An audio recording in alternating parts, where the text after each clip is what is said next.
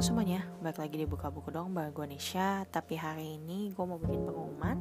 Jadi selama dua minggu ke depan Jadi mulai dari Selasa ini ya Lalu Selasa tanggal 3 Dan Selasa tanggal 10 Gue memutuskan untuk rehat dari episode hari Selasa.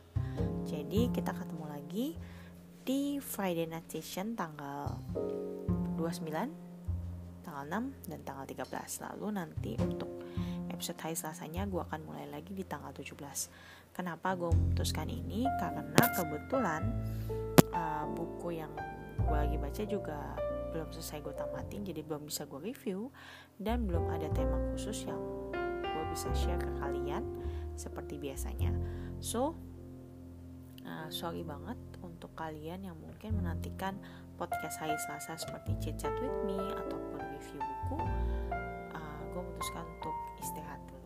tapi kita tetap akan ketemu setiap hari Jumat di Friday Night Session. Thank you semuanya. Bye bye